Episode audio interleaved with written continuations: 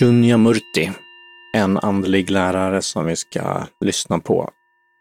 Han eh, ska titta lite grann på honom först och vem det är. Han hette Robert någonting från början och eh, om man kollar på hans biografi så har han en eh, hel, en lång lista på saker han har gjort tidigare i sitt liv. Han är doktorerat, står i både psykologi och juridik eh, advanced work in Jungian and Lacanian analysis. Så det är Jung och Lacan. Um, decades of practices, uh, practice as a healer, 10 years as a monk, deep and extensive entheogenic shamanic practice, det vill säga psykedeliska droger, munkliv, uh, och så profound realization of non-duality, en typ av upplysning av icke-dualitet. Lifetime of Integrating the Paths of East and West. Så han har ganska mycket bakgrund och jag tycker ofta att det är intressant med människor som har eh, ja, men det här både öst och väst. I det här fallet har ju han en västlig bakgrund, men har levt mycket i Indien och praktiserat där samtidigt som han då har studerat mycket och har en intellektuell då förmåga, om man ska uttrycka det. Så kan titta lite på formal yogic training också. Det står att Shunyamurti had made contact with the power of yoga in his youth and developed his own form of meditation combined with writing poetry. Senare eh, så träffade han någon Baba Haridas eh, och eh, this was followed by 10 years spent in Raja Yoga Monastic Order in India. Så ganska mycket praktik också då som han har hållit på med. Så det är hans bakgrund. Han säger sig följa Ramana Maharshi bland annat. En and, eh, annan andlig eh, guru, saint, i, eh, från Indien då. Men som det ofta är med sådana här uh, andliga, framförallt när de börjar bli som gurus, inte bara, inte bara lärare eller coacher eller något sånt, utan börjar närma sig någonting åt guruhållet, gurustatus, så då kommer sådana här sidor också. För när jag sökte på honom så kom, ja, om du lyssnar nu bara så ser du inte det här, men det som kommer upp här om man söker på honom är också hemsidor där det står Sat Yoga Institute då, som han tillhör Exposed och Exposed är aldrig en eh, positiv sak. Annat än att det kan vara positivt för samhället såklart, men jag tänkte det kunde vara spännande att kika på vad det står om honom då, som är en sån här, ja men eh, finns massvis med YouTube-klipp med honom och han är en ganska känd andlig lärare, man ska säga. Och då är det då folk som har satt ihop en sida där de pratar om problem som har uppstått i hans eh, ashram eller i hans eh, närhet. Så eh, Satyoga Ashram behind the scene då. Satyoga Ashram and uh, School uh, is, an, is an ashram and school in Costa Rica. Så det är där det ashramet ligger som han har. Dedicated to raising human consciousness, healing and self-realization. A beautiful vision for a beautiful garden of Eden at the top of a tropical mountain. Så det låter trevligt. Um, this website offers a different perspective on the nature of this organization and a voice for the numerous past members of the cult who have had personal relation relationships with Shunyamurti, also, also known as Robert Shubov. Det är hans eh, namn han föddes med. Shunyamurti är ett taget namn då. Shunya betyder ju tomhet ungefär, eller emptiness, void. Och eh, Murti betyder väl så här deity, någon upplyst ungefär, så goa grejer då som han har satt ihop till ett trevligt namn. Men den här sidan då håller inte med om att eh, han är så trevlig eh, som han säger sig vara. Eh, det står vidare att this eh, website offers a prayer for healing. It offers a space to reflect and express eh, themselves to those um, who have suffered from an abusive relationship and are tending to the wounds revealed in that context. Och det här är någonting vi ser i väldigt många andliga, ska man säga, sammanhang. I väldigt många andliga kretsar så uppstår den här typen av problem eller den här typen av dynamik, framför allt när det finns en guru, en tydlig guru som är eh, som står väldigt mycket över andra och som inte får ifrågasättas, där det inte finns eh, det finns inte insyn utifrån. Man pratar ibland om, som de även gör på den här sidan, om kultbeteende.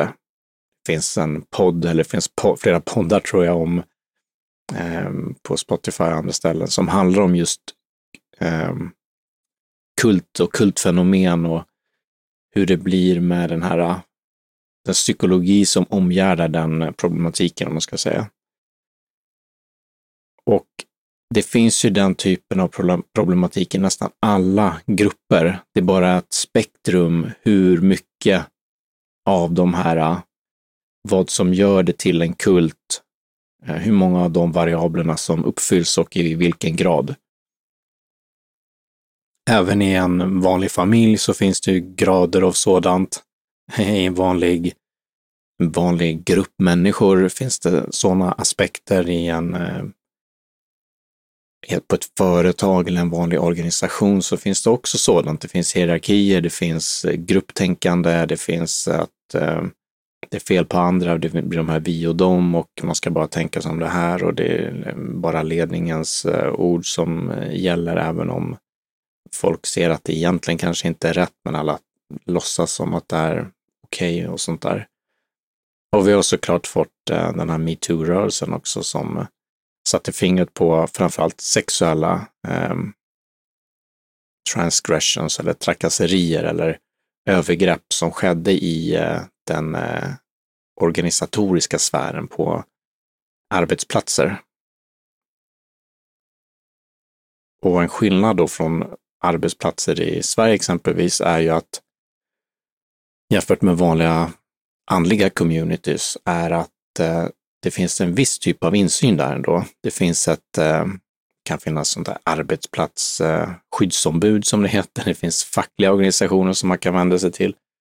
Det finns eh, lagar som reglerar verksamheten. Det finns human resources som man kan gå till, HR. Det finns chefer och det finns chefens chef som man kan, alltså som arbetstagare då kan vända sig till i olika frågor. Det finns såklart massvis med problem också i organisatorerna eftersom eh, som uppstår på grund av den hierarkin som finns och eh, beslutsfattandet och mandatet och som, eh, som naturligt uppstår i alla hierarkier och med absolut makt så kommer, vad heter det, ehm, um, absolute power corrupts absolutely, som man brukar säga. Så vi har de problemen där också, men det är bara till en eh, mindre grad än vad det blir i en eh, mera Eftersom det finns viss transparens, viss insyn, vissa eh, organisatoriska förpliktelser och så vidare, så är det något bättre än många av de här då andliga organisationerna eller andliga grupperna där det inte finns någonting alls. Det finns ingen insyn, det finns inga regler, det finns inga stadgar, det finns inget sätt att utmana, ska säga, kritisera eller ta upp problem med eh, ledarna eller ledaren. Och här blir ledaren inte bara den som eh, har mest makt rent hierarkiskt och sitter högst upp i, i ledningen, utan det är en så här, nästan gud också, som eh, i det här fallet då Shunyamurti, som ska, vad säger man, ja, det är inte bara att han bestämmer rent formellt, utan det blir också att bestämmandet kommer från en plats där folk tror att de inte ens har någonting att säga till om utöver det som kan bli på en vanlig arbetsplats, att man, människor kan tänka att de inte har någonting att säga till om eftersom det är någon högre upp i hierarkin som bestämmer det. Men här är det Gud, fader själv som pratar i, i form av Shunyamurti. Och eh, i den utsträckning som eh, en ledare, då andlig ledare, iklär sig den typen av roll så mångdubblas såklart alla de här problemen som blir. Och eh, i den utsträckning de inte adresserar problem som lyfts i, inom organisationen. Eh, och det, ja, det blir ofta en spegling av deras egna, ska man säga, alter egon eller egna skuggor eller mm, egna problematik. För det, det blir så beroende av deras person och personlighet eftersom det inte finns någon annan, något annat regelverk som reglerar beteenden inom organisationen eller gruppen. Eh, så det bara var Shunyamurti i det här fallet då, mm, tyck, tänker och tycker för stunden, är det som gäller ungefär. Så det är inget problem i sig med personen, utan det är hur eh, den, eh, vad heter det, den andliga gruppen eller grupperingen, organisationen organiserar sig. Så de är långt, långt efter generellt än eh, vanliga eh, arbetsplatser, organisationer. Så det, det som jag ser egentligen är stor, stora problemen som, som ligger bakom väldigt mycket av det här. Och eh, ovanpå det så har man den här andliga grejen då, eller andliga saker som gör att folk blir ännu mer blinda för verkligheten, skulle man kunna säga. Okej, okay, så det här säger de om Shunyamurti då. Shunyamurti, also known that, uh, as uh, Robert Shubov, is the leader of, um, the leader and founder of Sat Yoga. Så Sat Yoga betyder ungefär, så Sat kommer från Satchitananda, being consciousness, being consciousness bliss och Sat är being då och yoga är union ungefär så. Union with uh, being, skulle man kunna säga att det betyder. He has a brilliant mind with deep knowledge of philosophy, spirituality, psychology, som vi är inne på. Han är väldigt beläst. Human sciences and more. The listener will be struck by his ability to articulate and intertwine complex, complex concepts. He is also a uh, brilliant visionary, recognizing patterns in others and the world, and painting a powerful vision for an enlightened culture. Det är också en sak med många av de här andliga ledarna, att många av dem är ja, men lite över det normala i eh, förståelse och kunna uttrycka sig, artikulera saker, vara vältaliga, vara smarta eller låta smarta, hur man nu vill tänka kring de sakerna. Men det gör också att de får en typ av auktoritet, såklart. Ovanpå att Eh, de redan har den formella, formella makten och folk ser på dem på ett visst sätt, så är de också att de lever upp till det till stor del, för de kan ge verkligen svar på tal. De låter smarta, intelligenta, genom, genomtänkta och så vidare. Och det gör att man eh, tror på dem och man ser själv att jag kan inte det där, jag kan inte tänka på det sättet, jag förstår inte på det sättet, så då förlitar man sig på dem. Problemet är bara att de kan eh, eh, ha helt fel. och de kan vara ute och cykla kring massa saker eftersom vi som eh, är väldigt begränsade varelser bara. Det är svårt att eh, förstå sig på världen även för de som har läst lite mer än en själv. Precis som när vi själva ger råd till någon annan som är, eh, om man tar ett barn då för att göra det enkelt, så kan vi säga vad vi tror är bäst och sådär sammanhanget kanske i vissa fall är bra då, råd som vi ger, men många gånger så svårt att veta vad som är rätt. Vad är det, vad, är det, vad bör någon annan människa göra? Hur ska de leva sitt liv? Vad är, det, vad är det bästa? Det är klart om det finns vissa expertområden där man kan vara experter då på, om vi pratar kvantfysik så kan någon som är bra på det såklart hjälpa till med det, men andlighet tenderar att handla om väldigt eh, intuitiva och subtila saker där det är svårt att ge konkreta råd kring hur människor ska hantera saker, leva sina liv och så vidare. Det börjar bli saker kring livet som sådant och eh, inte bara då en som skulle kunna vara en expertkunskap som är kanske mm, att prata om vår eh, en, en viss typ meditationspraktik exempelvis, där man kan säga gör så här och så här. För det är någonting som man kanske jobbat under lång tid som lärare då och kan mycket om. Men så fort det börjar bli saker som handlar om livet som sådant eller världsordningen eller något sånt där som han pratar mycket om också, så där är, är de inte experter helt enkelt. För de, man, eh, eller de kan ju vara, veta mer än andra, men det finns så mycket information och så mycket att ta ställning till att det blir svårt att uttala sig om de sakerna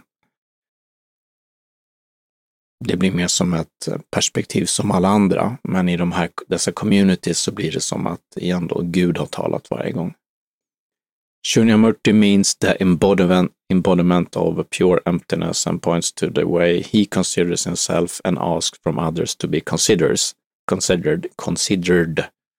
Uh, we argue that uh, this life, self-given title or name is uh, actually fraudulent as, as Murty is hiding deep wounds and trauma that is that he is unwilling to feel and own. Okay, these disarmed shadows are pushing him to pose as a saint, yet behaving as a pathological narcissist and puppet master with his followers. Så här är ganska tuffa, hårda ord, um, minst sagt. Säger vidare att Robert Shobov is in fact a disguised embodiment of psychological predation. It is a space to heal. Um, this is a space to heal from the abuse of his psychospiritual influence and from the, the often traumatic and sudden removal of his conditional love. Så det är en, en, vad heter det, en del i det som, av den kritiken som riktas mot honom, det här att eh, han verkar vara sådär, säger de, eh, känslokall det är ju inte hela världen kanske att vara känslokall. Eh, och det blir svårt att uttala sig om validiteten i något av det här. Det här är bara, de har bara lagt ihop grejer som är baserat på, så som jag förstår det, testimonials från folk. Så mm, de har kategoriserat problem med honom, så he doesn't accept reflections och så är det utredningar om, om vad det betyder. Han är manipulativ, skriver de vidare om. Eh, Doesn't himself honor the rules that he sets for others. Um, ja, doesn't care about ex-followers som slutat och så, det här apropå det här med att vara känslokall. De här grejerna låter ju inte svårt att bedöma. Det låter ju inte bra. Eh, men poängen som jag vill göra här är egentligen inte huruvida någonting av det är sant eller falskt, utan snarare det faktum att i princip alla organisationer som ser ut på det här sättet så finns det stora risker för sånt här. Faktiskt vare sig det är en relativt schysst person eller inte. Men det är också så att likt, eh, tror det finns i alla fall studier på chefer för sådana här väldigt stora företag i USA. Så det är, det är en inte en majoritet, men procentuellt mer än befolkningen i, i gemen som uppvisar eh, narcissistiska och psykopatiska drag. Så människor som drar sig till den här typen av eh, positioner, kallar sig själva gurus och har massa följare, behöver inte vara det, precis som eh, höga chefer inte heller behöver vara det. Men statistiskt så är det fler av dem som har de här dragen och man är inte psykopat bara för att man har dragen heller, men att sådant finns där mer. Så vi ser det mer, det finns många bäckar, man ska säga, som leder till, eller många risker med det här. Det finns andra, andra ledare som eh, exempelvis, eh, jag skulle ta Adyashanti, kanske kommer någon skit om honom imorgon också, men han är någon som så vitt jag förstår i alla fall, eh, inte verkar ha så mycket av den typen av drag. Han verkar också ha en lite mer modern organisation där han själv inte bestämmer sakerna, utan han har en styrelse som fattar beslut och han inte är, han blir kanske rådfrågad i frågor. Jag vet inte exakt hur det fungerar, men bara en sån sak gör att eh, man kommer ifrån guruproblematiken en del genom att eh, gurun inte fattar beslut om eh, organisationer, organisationer eller bara har någon viss del i det eller hur man nu gör det. Det är svårt eftersom eh, det är så lätt att alla projicerar saker och tänker att den här personen är så smart och eh, vet allting och så. Eh, att inte fråga den eller att inte gå på den eller försöka göra det man tror att den vill ändå. Men i den utsträckning man klarar av det så är det ju bra att försöka gå åt det hållet och få ett eh, så långt det är möjligt, precis som egentligen vanliga organisationer, skulle jag säga i alla fall, ett mer distribuerat ledarskap och där det blir mer kollektiv intelligens, där det finns mer transparens, där det finns ett sätt, eh, en, ja men så som kommer metoo, att när det kommer um, uppstår sexuella trakasserier så finns det en en struktur för att hantera det. Bara att det finns det tydligt nedskrivet som alla vet om och hur man och också följer och det följs upp att det följs och utvärderas och så. Då har man, det är så väldigt mycket långt kommet då för att eh, avhjälpa den här typen av problem. Så här på sidan finns också testimonials som man kan kika på, där folk har både offentligt och anonymt eh, berättat sin berättelse igen, likt lite grann metoo. Eh, ja, ett antal människor som har, vissa har varit där ganska länge och andra har varit kortare tid, men flera har varit där i flera år i hans ashram då. Och har då dåliga erfarenheter som mynnade ut, tror jag, eh, en del i alla fall av det, en sammanslagning av deras, skulle jag gissa, deras eh, testimonier som blev de här, den här klassificeringen av problem.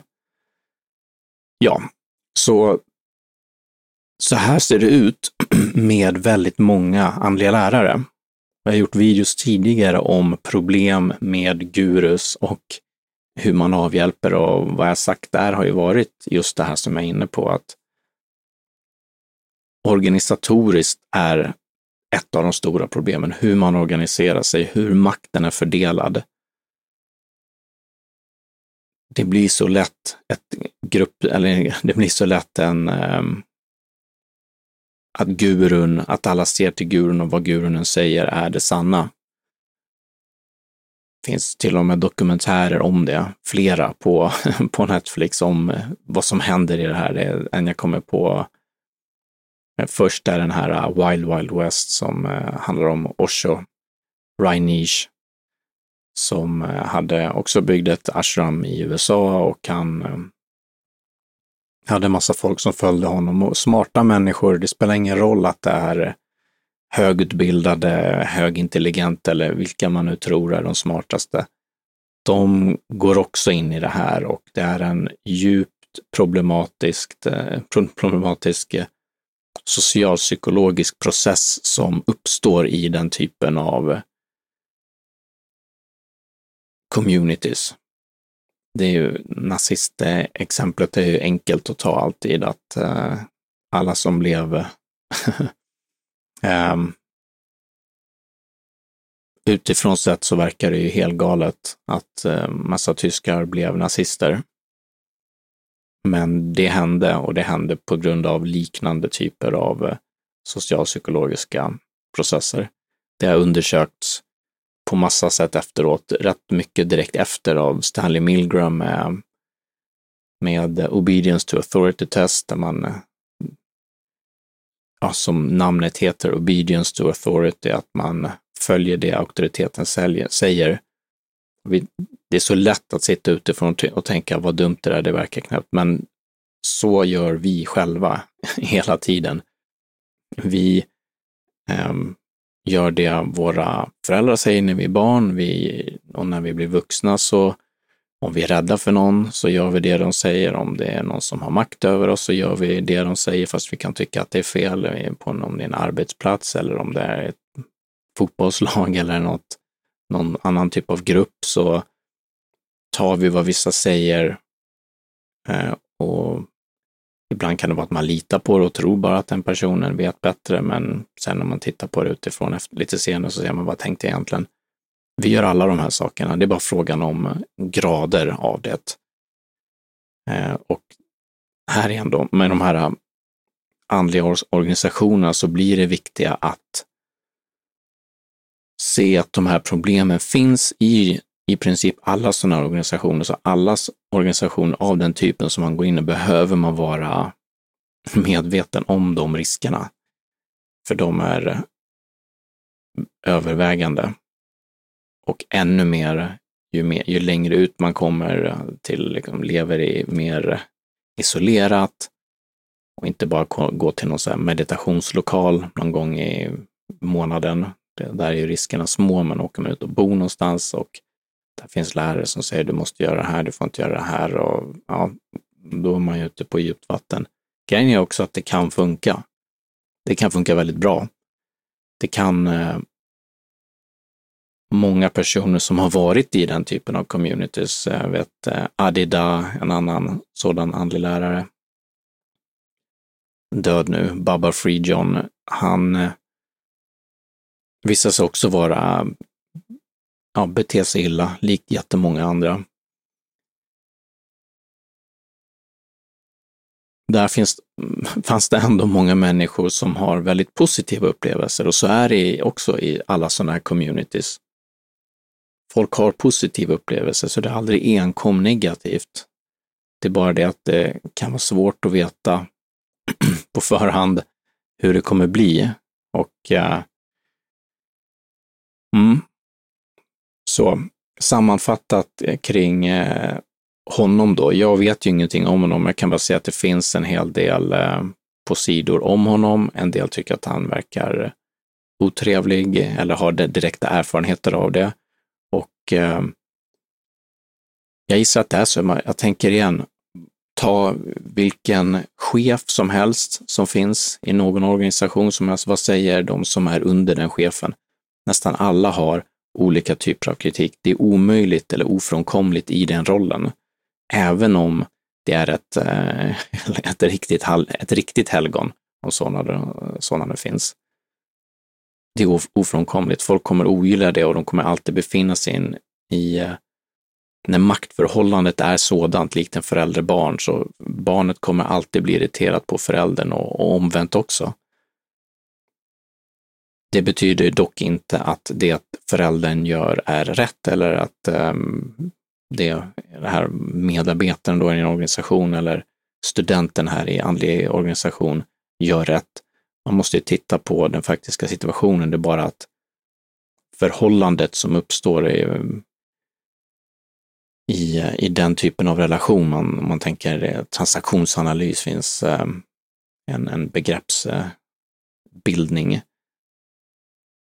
Så fort någon har sinnestillståndet eller statet eller ehm, är i rollen som förälder, så fort någon går in i det, eh, och så blir det när det blir en ojämnt maktförhållande som en chef eller någon en guru eller en riktig förälder, då blir den andra automatiskt i en barnrelation och då har vi förälder-barnrelation och då uppstår de problem som uppstår naturligt i en eh, barn-förälder-relation. Så är man i transaktionsanalysen vill är ju att båda kommer upp på vuxen-vuxen-relation. Eh, är den ett riktigt barn och en riktig vuxen eller förälder så är ju inte det eh, meningen där, även om det är bra att ha respektfullt ehm, respektfull relation och så såklart. Eh, men barnet är ju ett barn, men mellan vuxna så bör det enligt transaktionsanalysen då eftersträvas att alltid vara i vuxen-vuxen relation. Och det är svårt när vi har eh, ojämlika maktförhållanden. Så igen då, eh, rent organisatoriskt är ju bland det bästa, skulle jag säga, att utjämna de maktförhållandena för att på så sätt eh, understödja ett eh, vuxen-vuxen relation mellan Eh, personerna där. Och eh, andra sätt att eh, fördela makten eller att eh, utjämna det är ju att ha, om man ändå transparens, står hur man hanterar pengar exempelvis, står vad lärarna får, hur mycket de tar, hur man hanterar trakasserier, hur eh, beslut fattas i organisationen, bara en sån sak. Hur går beslutsfattandet till? Hur går beslutsordningen till? Är det bara den här eh, Shunyamurti, eller den här som är leder som ord, eh, hans, hennes, hens ordelag? Eller hur går det till? Är de sakerna transparenta och det går att följa och det går att lyfta problem? Eh, de lyssnas på och så vidare. Det är sånt som både testimonials tog upp här och som generellt kommer upp som kritik och ifrågasättande. Eh, nämligen att det inte går att ta upp problem. Och det är också sånt här kult, kultfenomen. Och också tecken på dålig eh, organisation om det är eller ett dåligt företag eller en dysfunktionell familj eller eh, grupp vänner. Det är aldrig bra när det inte går att lyfta problem och de inte kan bli lyssnade på. Så. Men med det sagt så eh, tänker jag att vi går in på, ska vi lyssna på vad Shunyamurti säger om eh, Physical causality is an illusion heter det här klippet. Just like a dream. Jag, vad jag gillar är mycket den här drömmetaforen, så eh, ska bli spännande att se hur han kopplar ihop det med, ihop det med fysisk kausalitet, eh, illusion och hur det är, eftersom det är som en dröm. Så jag sätter på så lyssnar vi.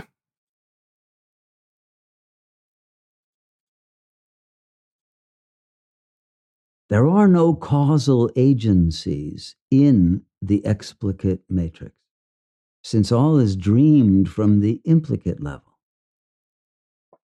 The inner subjectivity and the outer world appear synchronically because one is the quantitative aspect and the other the qualitative.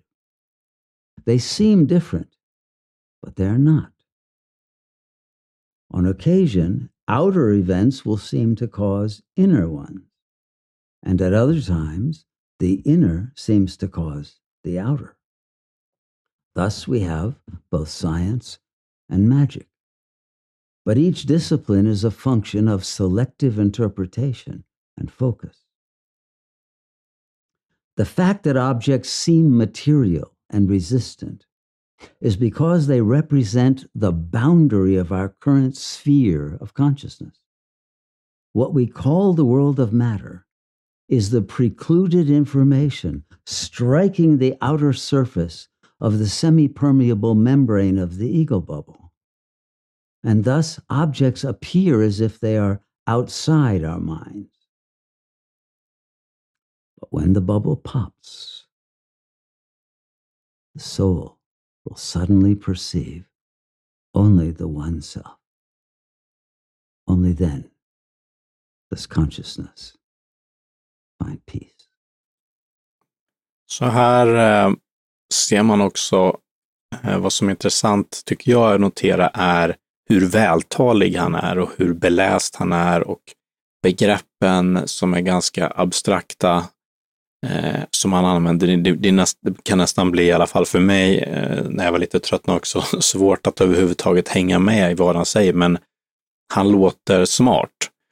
Och eh, det här är också en grej att oberoende av, eh, ska man säga, gurufenomenet, han är då en guru då i den här traditionen och han är en eh, ja, men så aktad man i den här grupperingen av människor.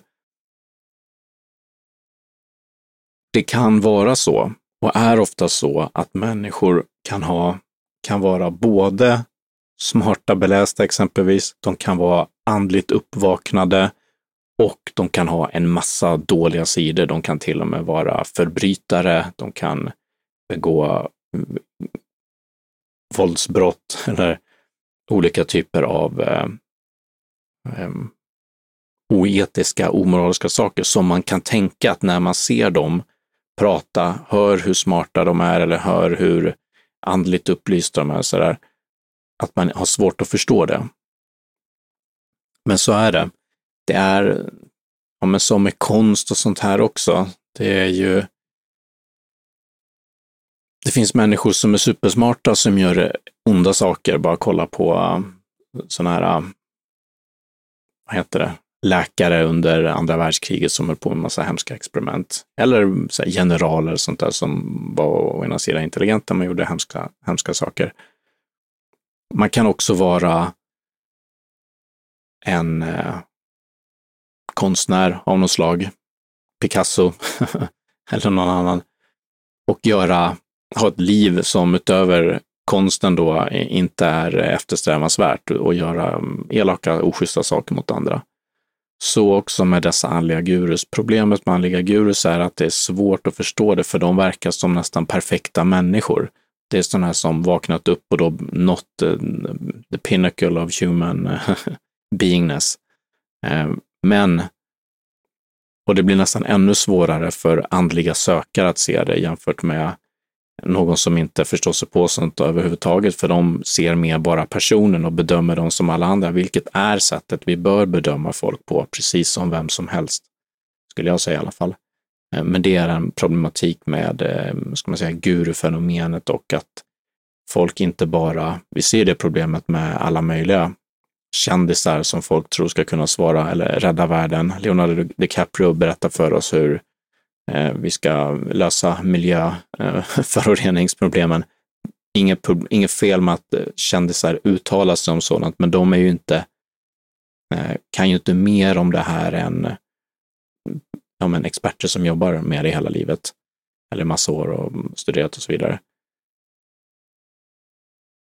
Så när vi ser andliga lärare så är det lätt att tro att de kan allt möjligt om allt möjligt och de kan många gånger det i genomsnitt mer om olika saker, speciellt sådant som har på olika sätt med andlighet och även en del mänsklig psykologi och sådant att göra.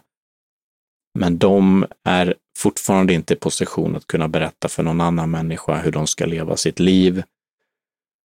Eller dig hur du ska leva ditt liv. Och i slutändan, de vet inte folk, eh, vi är extremt begränsade mänskliga varelser som inte kan svara på framför allt hur andra ska göra olika saker, för det är så stora individuella skillnader mellan människor och eh, vad som funkar för en funkar inte för den andra. Och vad som blir bra för någon blir inte bra för andra. Så de här absoluta påståendena kring eh, hur man ska leva sitt liv eller vad man ska göra och sånt där för andlig upplysning exempelvis tenderar vara ja, men rent objektivt felaktiga också, utöver att de är eh, obra att ge till folk eftersom de eh, leder dem fel många gånger. The world dream in its current stage of unfoldment is a playing field dominated by nasty competing ego bubbles, banging against each other and disturbing each other with incompatible projections. This non rapport produces intense antagonism throughout the field. The conflict and the chaos must escalate until all the wildly vibrating bubbles burst and the tranquility of nothingness is reestablished. This event is universally known and foretold as the eschaton, the omega point, doomsday, or the end of the world. Ja, så det här är någonting som jag noterat att han pratar en hel del om the doomsday eller end of the world. Um, det är också en sån sak som Ja, beror ju på hur, hur vad man tänker, hur man tänker att eh, människor kan få tillgång till olika typer av information. Det är, finns ju en teoretisk eh, möjlighet att han har någon typ av andlig vägledning som gör att han får den här informationen till sig på något sätt eller att han får bara förstå saker som nästan ingen annan förstår och att eh, det finns ju många profeter och sånt genom historien som pratat om apokalypser och doomsday och sådant. Men sannolikheten för att eh, han ska ha rätt är ju eh, historiskt låg, om man bör säga, om man ska tänka lite ska man säga, rationellt kring det. Det har inte inträffat hittills, det vill säga, eh, och det har varit väldigt många som uttalat sig om det på det här sättet. Eh, också för mig så är det inte, även om det är sant, så är det ju inte så, jag vet inte vad, eh, var egentligen ens poängen att eh, prata om det? För om alla skulle bara försvinna med en apokalyps så är det ju inte så mycket att göra åt det. Eller jag vet inte, han kanske har någonting som man borde göra då. Um, men eh, ja, för mig så är det, ja, det är ingenting som klingar rätt i mig i alla fall när han pratar om den typen av saker nu. We are very close now. Our bodies represent a part of our information base that we have cut off from direct knowledge, which is why we so often need the help of doctors. Tormented egos tend to turn the body into a toxic waste dump. But the organism is also an archive and a resource when the mind is stymied in its efforts to solve a problem. The body's archetypal blueprint is a reflection of the relationship between the cosmic mind and the individual mind, which reveals a microcosmic instantiation of the essence of the one self. This is why religions assert that we are made in God's image. This image gets horribly distorted over many lifetimes by our growing piles of karmic baggage, the unbearable information excluded from consciousness. And thus, human bodies now come in all shapes and semblances, very often in sickly conditions, depending on what information has been rejected by the ego. Jag vet inte om det är clickbait det här. Skulle inte han prata om, eh, kanske kommer till det, physical causality is an illusion. Eh, ja, jag vet inte. Jag har svårt att hänga med i det han säger, eller jag finner det på något sätt lite ointressant. Jag tittar på böcker som han har bakom sig istället. Ser Ramana Maharshi. Eh, och eh, ja, med lite andra böcker här som jag ja, trodde jag kände igen i alla fall. Um, ja, ja, han såg ut att ha samma glas som jag själv också. Det var ju lite kul. Eller inte. The universe consists of all the information that the ego cannot or refuses to assimilate. Everyone's body and its destiny, therefore, compose the shadow play of its ego structure and soul trajectory. The complete healing of the body and soul requires the dissolution of the boundaries that separate our conflicted egoic sub agencies and the harmonious integration of all the suppressed information lodged as symptoms of dis-ease in body and mind, as well as in the world, plus that which has been foreclosed in a dead or unreachable concept of God. All those spectral phenomena are only the concentric energy shells of the self. The more chaotic our thoughts and emotions, the greater the amount of activity of neurons is produced in the brain. The more serene one's mental state, the less brain activity occurs. And the more freedom consciousness has to emerge from its cranial cocoon and fly into the cosmic heart mind. Attaining deep silence in meditation is thus the key to resonating with the infinite self. Så, äh, ja, han förespråkar meditation här likt äh, i princip alla mystika traditioner och eh, det är ju någonting som eh, jag tänker också är väl värt att notera att alla traditioner i princip rekommenderades. Så jag pratade tidigare om att eh, sådana absoluta påståenden är eh, generellt inte bra och det är ju sant.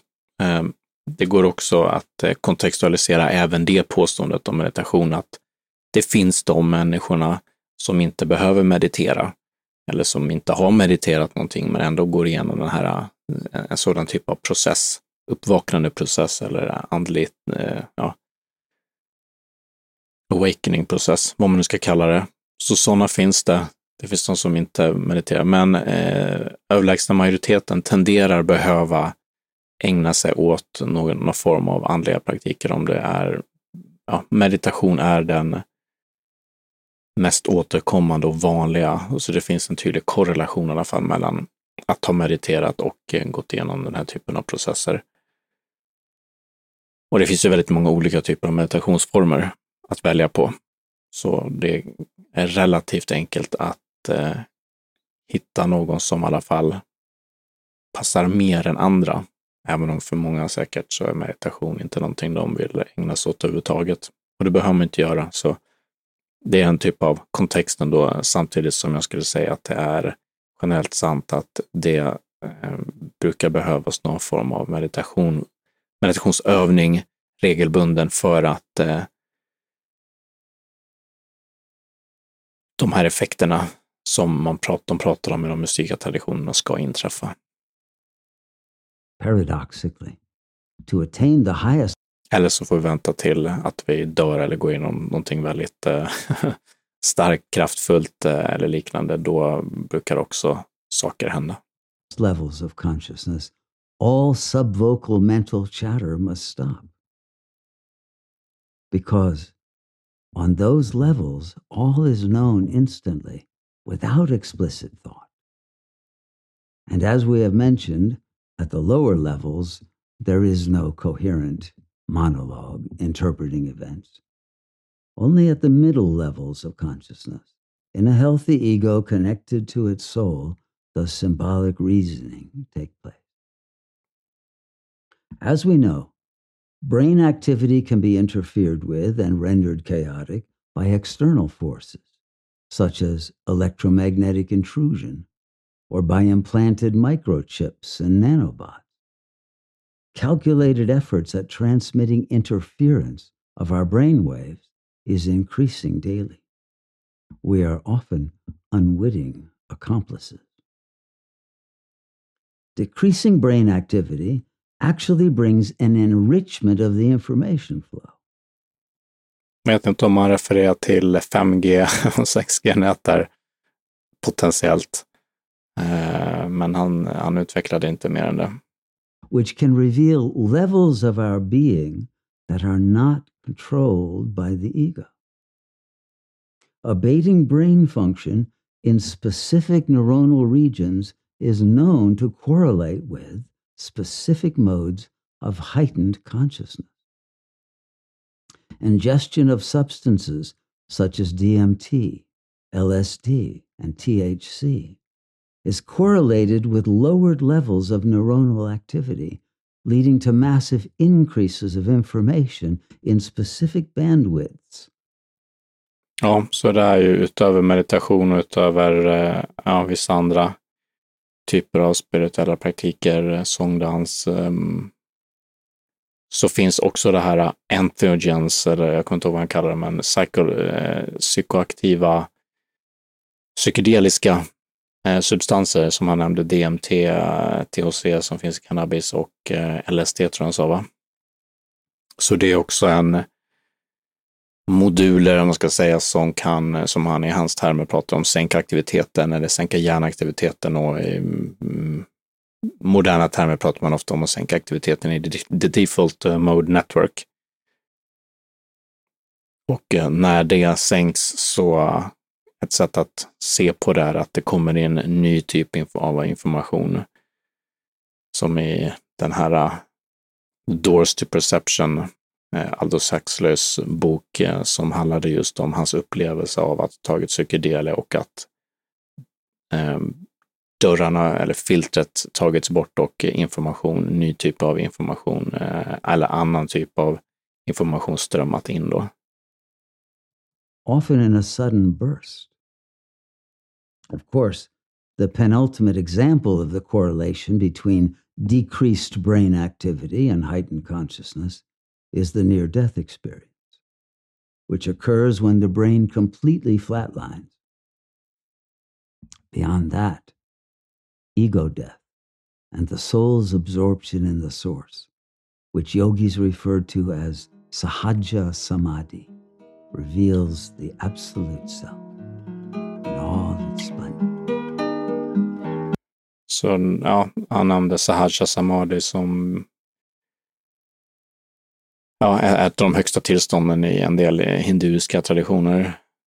Och eh, nära döden-upplevelser som man också sett eh, ja, både på hjärnaktivitet och även framförallt då vad människor själva berättar efter sådana, eh, åtminstone ibland, är väldigt eh, häftiga andliga upplevelser helt enkelt. Men eh,